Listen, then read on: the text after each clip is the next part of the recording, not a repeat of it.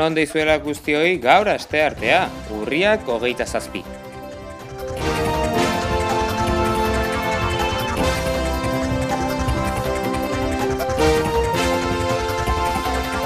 Txapeldunen ligako bigarren jardunaldia hasiko da gaur, Real Madridek Borussia Mönchengladbach egingo dio bizita eta Atletico Madridek Salzburg hartuko du etxean. Saskibaloian, Bilbao basketek txapeldunen ligan debutak ingo du gaur, Pinar Karsijakaren aurka miribilan, eta txirrindularitzan karapat lidergoan duen Espainiako itxulian, araban egingo dute gaurko etapa gazteiz eta balde gobiaren artean.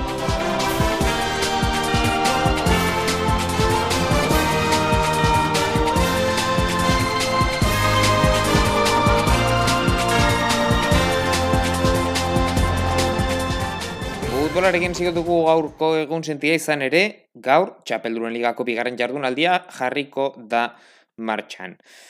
Alde batetik, e, bi partida izango ditugu beti bezala bede, e, zazpiak la, e, bos gutxitan eta beste guztiak zei partida bederatzietan.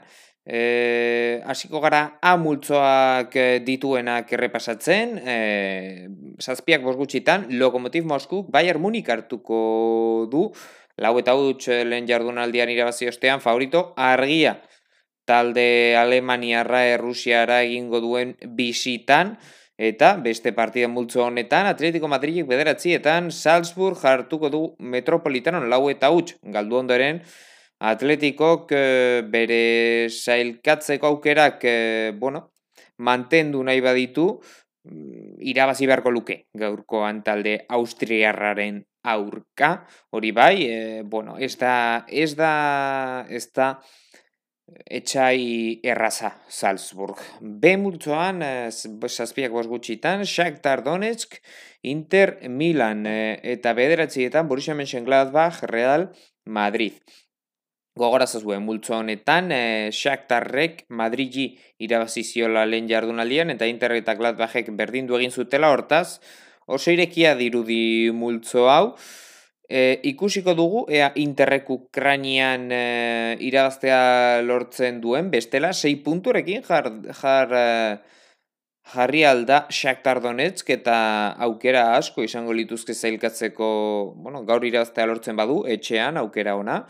Eta bederatxietan, esan e, dugun moduan, e, Borussia Mönchengladbach Real Madrid beste porrot bat uh, jasotzen baute zinidin zidanen nue mutilek, uh, izan ditzakete urrengo faserako, finala masirenetarako zailkatzeko. Ze multzoan, bedretzietan bi partidak, Porto Olimpiakos eta Olimpik Marsella Manchester City.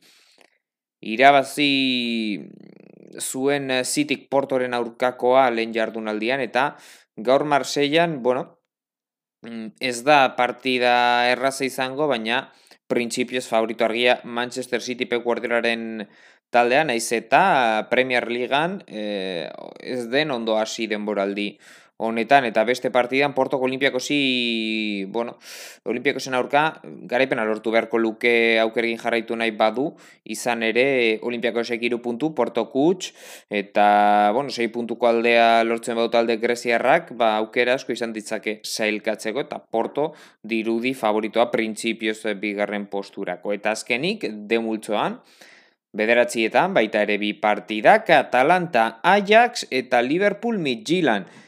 Liverpoolek eh, erraz irabaztea normala izango litzateke, Midtjylland behar bada Champions honetako talde aulena da eta, baina ikusi beharra dago, badakizue, e, bueno, jokalari asko ba, kanpoan dituela Jurgen Kloppek, eta beste partidan, Ajaxek eh, porrota jaso zuen lehen partian, Atalantak Midtjylanden aurka garaipena, ikusi behar eh, dago, izan ere, bueno, Atalantaren aukerak, e, bueno, hobeto esan da, Ajaxen aukerak asko murriztuko litzateke gaur eh, punturik ez badur lortzen Bergamon. Ikusiko dugu, Atalanta Ajax, baina Liverpool eta Atalantak garaipenak lortzen baituzte, ba, tarte handia irekiko dute multzo honetan.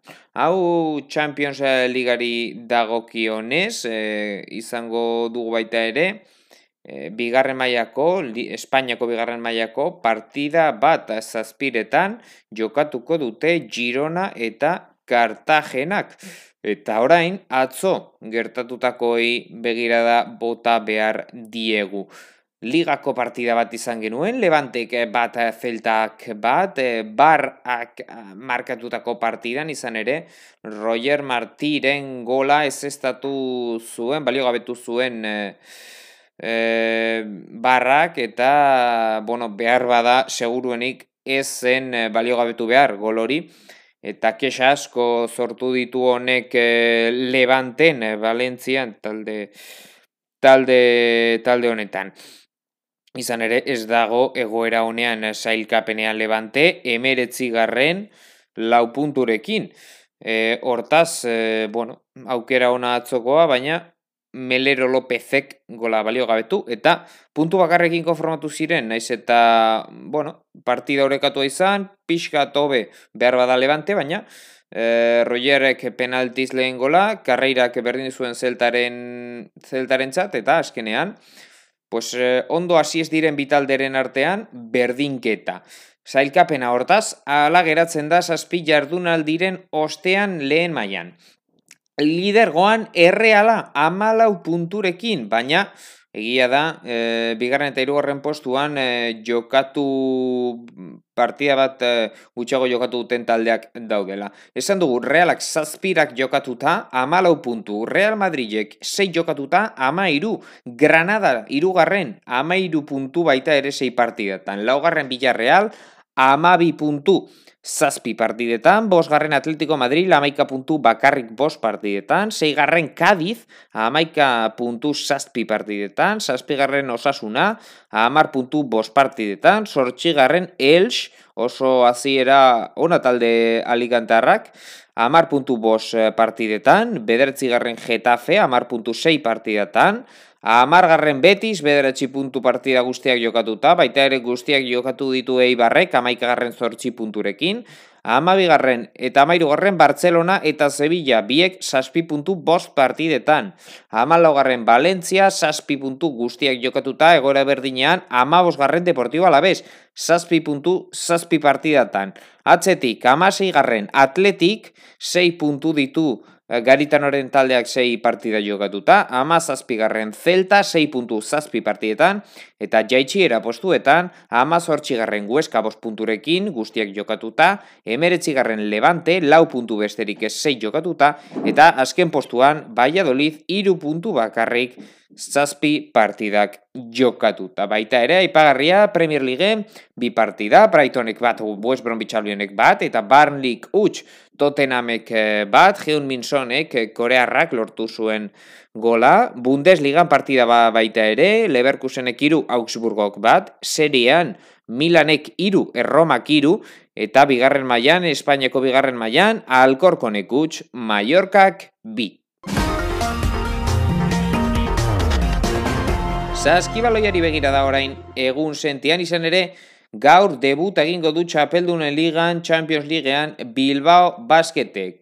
Miribilan izango da e, zortxiretan eta Pinarka Arsilaka Turkiarraren aurka jokatuko du Alex Mumbruren taldeak. Ikusiko dugu amazazpi egun jokatu barik eta orain bost egunetan hiru partida izango ditu Bilbao Basketek. Eta taldeko beste partidare jokatuko da, Fortitudo Bologna eta Brose Bambergen artekoa sortzi terditan, e, Eurokopan, baita ere moraban kantorra jokatu du, jokatuko du, sortziretan, Panebetzio liekt kabelisen aurka, eta ACB-ko partida atzeratuak ere errik berreskuratuko dira gaurkoan. Seiterritan Betis Real Madrid, bederatzi eta laurdenetan, Monbus Obradoiro Valencia Basket eta UCAM Murcia Barcelona. Eta txirrindularitzarekin amaituko dugu gaurko egun sentia, gaur eh, Espainiako itzuliko etapa Araban izango dugu oso osorik. Vitoria Gasteizetik, eh, Villanueva de Valdegobia, gaubea, gaubean izango dute. E, elmuga, eun da irurogei kilometro izango dituzte gaurkoan, eta orduñako mendatea bi aldiz bi aldiz igoko dute. Hortaz, e, gogoratu, e, Richard Carapaz dela lider berria formigaleko etaparen ostean, formigaleko etapa hori, Jon Izagirrek e, irabazi zuen, eta gaur esan dugun moduan, gazteizetik e, Villanueva de Baldegobia Era, eunda irurogei kilometro, eta urduñako mendatea bi aldiz lehena, e, eun kilometroren faltan, eta bigarrena e, amaituko dute hogei kilometro baino gutxiagoren falta, emeretzi kilometroren faltan, handik jaitxiera berberan araño, eta gutxi gora bera ba, ama lau kilometroko distantzia handik e, baldego biaraino. Ikusiko dugu gaurko etapa hortaz la bueltan. Hau da guztia, gaurko egun sentian, honekin amaituko dugu gaurkoa. Bihar berriz, hemen izango gara. Ondo izan, bihar arte.